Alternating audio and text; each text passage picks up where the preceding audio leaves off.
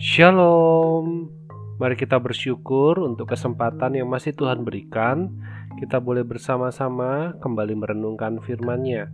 Saya akan memberikan panduan bagi kita untuk merenungkan dari kitab Hakim-Hakim pasal yang ke-10 ayat 17 sampai Hakim-Hakim pasal 11 ayat yang ketiga.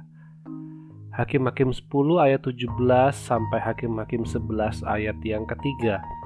Kemudian Bani Amon dikerahkan dan berkemah di Gilead, sedang orang Israel berkumpul dan berkemah di Mispa. Maka para pemimpin bangsa di Gilead berkata seorang kepada yang lain, Siapakah orang yang berani memulai peperangan melawan Bani Amon itu? Dialah yang harus menjadi kepala atas seluruh penduduk Gilead.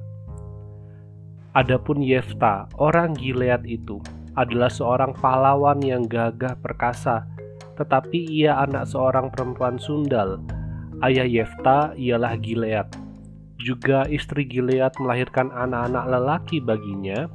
Setelah besar anak-anak istrinya ini, maka mereka mengusir Yefta, katanya kepadanya, Engkau tidak mendapat milik pusaka dalam keluarga kami, sebab engkau anak dari perempuan lain. Maka larilah Yefta dari saudara-saudaranya itu dan diam di tanah Top. Di sana berkumpullah kepadanya petualang-petualang yang pergi merampok bersama-sama dengan dia. Hari ini kita melihat bahwa Allah kita adalah Allah yang sungguh luar biasa, Allah yang ajaib, Allah yang jalan pikirannya tidak terselami oleh manusia, Allah yang beranugerah karena kehendaknya, karena kasihnya, dan di dalam Tuhan segala sesuatu adalah indah adanya. Salah satunya adalah kisah dari Yefta.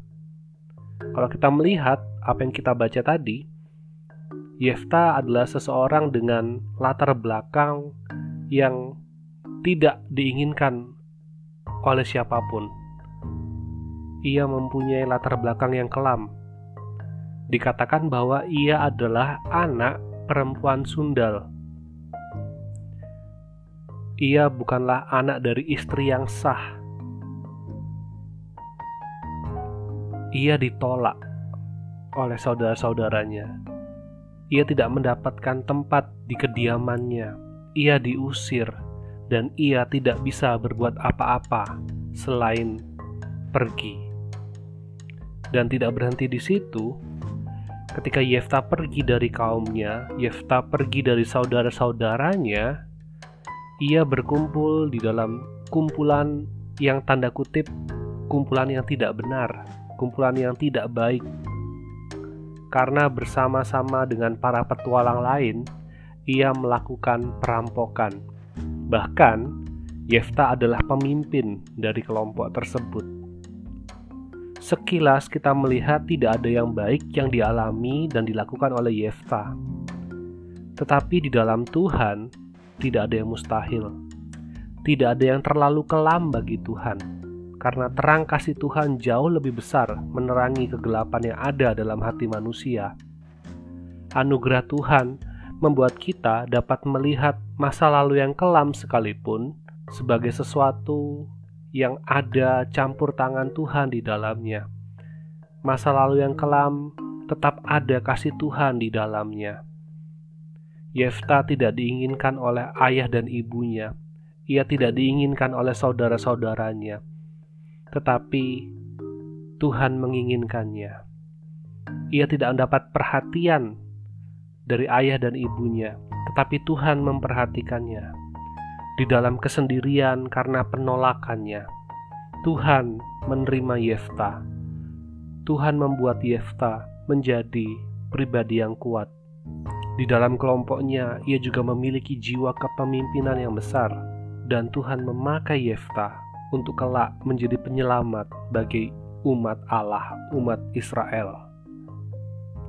Anugerah Tuhan begitu besar bagi kita tidak ada alasan bagi kita untuk menolak anugerah dan kesempatan yang Tuhan berikan. Keberadaan kita di hari ini adalah karena Tuhan yang memimpin kehidupan kita. Masa lalu kita pengalaman-pengalaman pahit mungkin yang kita rasakan, itu semua adalah pembentukan yang Tuhan izinkan terjadi untuk kita boleh berdiri pada hari ini melihat akan karya Tuhan, kasih Tuhan, tangan Tuhan yang terus menopang dan memimpin sehingga kita boleh juga terus melangkah di dalam Tuhan mulai hari ini sampai ke depan.